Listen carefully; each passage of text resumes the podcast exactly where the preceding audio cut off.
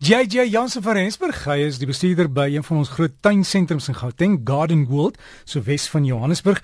En JJ, hierdie tyd van die jaar, die seisoen verander vinnig, die blare val. Iemand het nou-nou ge-SMS gesê met jou vra, hulle in 'n Makwaland se made liefie saadjies, wanneer kan hulle plant? En ek sien ook jy kry deesdae die saadjies in verskillende kleure, soort van 'n pastelkleur, die donker is en die wit is apart.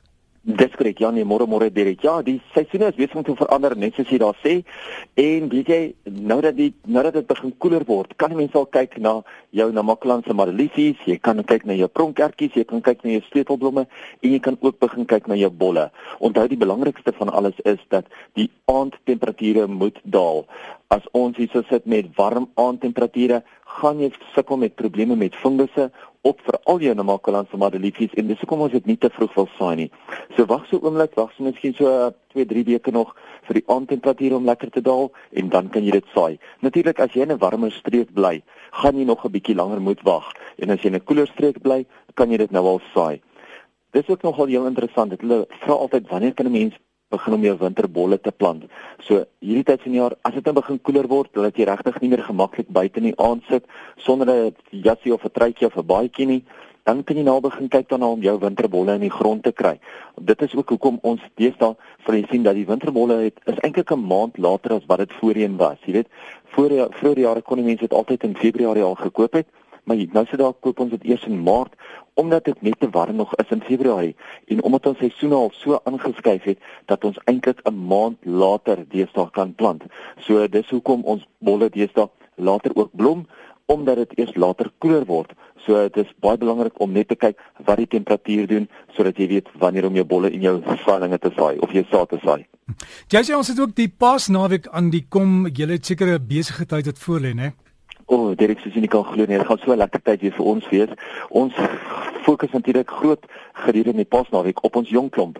So vir die van die kinders of vir die van die ouers wat graag hulle kinders wil deurbring of oupas en oumas wat hulle kleinkinders wil deurbring. Ons het die Paas Sondag en die Paas Maandag is daar Paas eierskattejagte, daar's gesigverf, daar's 'n klomp aktiwiteite wat hier se deel is hier by Gardenwold. Mense is welkom om te gaan loer op ons webtuiste of eintlik op ons Facebook. Dis vinniger gaan soek net Garden World Nursery op die Facebook en dan kry ons daar en dan sê jy sommer sien alles wat ons aanbied hierso en hoe jy kan bespreek vir daai aanbiedinge hier by Garden World.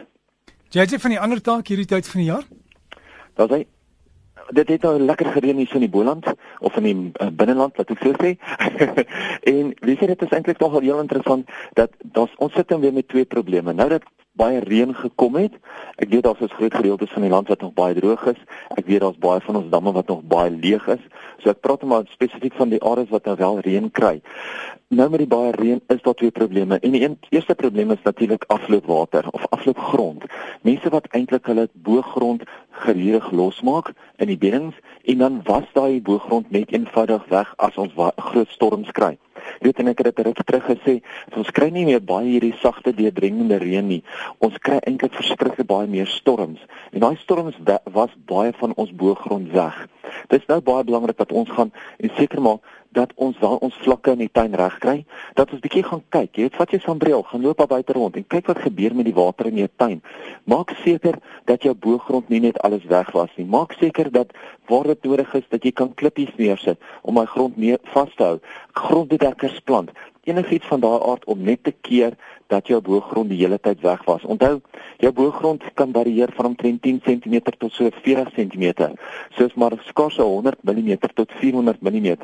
En as jy daai boergrond gaan verloor met storms, gaan dit jou eie skuld wees.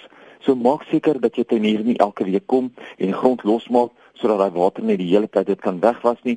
Kyk na klippies, kyk na 'n bietjie grondbedekkers en kyk na die verskillende vlakke in jou tuin. Die tweede ding is natuurlik muskiete. Baie mense het nou probleme met muskiete want skielik is die wêreld net vol muskiete en mense weet nie altyd wat om te doen nie. Ja, daar is verskeie muskietprodukte beskikbaar wat 'n mens kan spuit. Daar is ook organiese muskietprodukte beskikbaar wat 'n mens ook kan spuit. Kyk bietjie uit daarna. Maar onthou, muskiete kan oorleef in enige enige vogtige omgewing. Muskiete kan uitbroei binne 1 tot 10 dae kan die muskiet eiers uitbroei. Daai larwetjies ontwikkel binne 'n paar dae tot 'n volwasse muskiet en dan natuurlik sit jy met die muskiete met die probleem. So baie mense sal sê ek het nie damme om my nie. Ek het nie staande water om my nie. Hoekom het ek muskietprobleme? As jy baie vogtige areas in jou tuin het, kan daai muskiete in daai vogtige areas oorleef, uitbroei en in muskiete eintlik ontwikkel. So kyk bietjie uit na watter gedeeltes in jou tuin bly onnodig lank nat. Die tweede ding en natuurlik wat wat ek vandag oor wil gesels is die ehm um, winterbolle en ons moet kyk watse winterbolle is nou beskikbaar en wat kan jy plant. Daar gaan nie hierdie jaar weer tulpe beskikbaar wees op die normale mark nie. Jy gaan moet soek vir tulpe.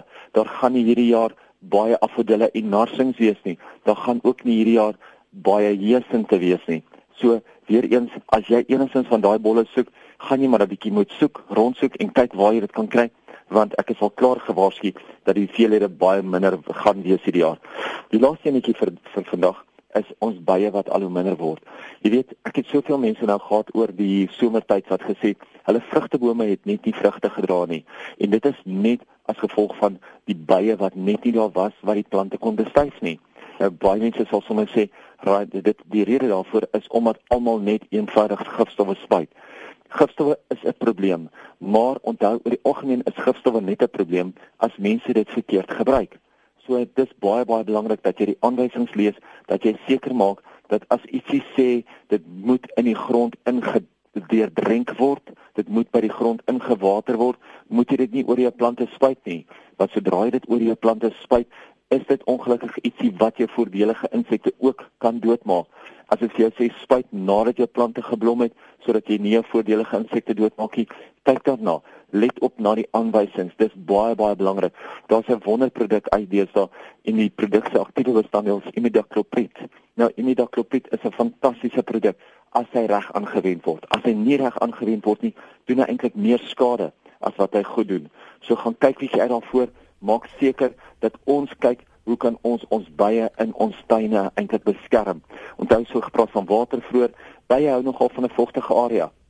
As jy bye in jou tuin het, jy wil graag daar hou, sit 'n paar bakkies water neer dat hulle ook ergens water het om te drink. Daar is verskeie ander redes ook hoekom bye um eintlik minder word en een van die groot redes wat nogal heel interessant is, is dat jou bye deesdae baie verdwaal.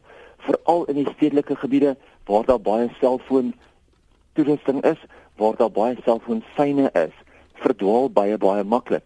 So as jy weer 'n by kry, moenie net gaan en onwillekeurig hom net doodmaak nie. As jy 'n korf of 'n swerm in jou in jou tuin kry, kyk eerder of jy iemand kan kry wat hom kan wegvat na 'n plek toe waar hy veilig is.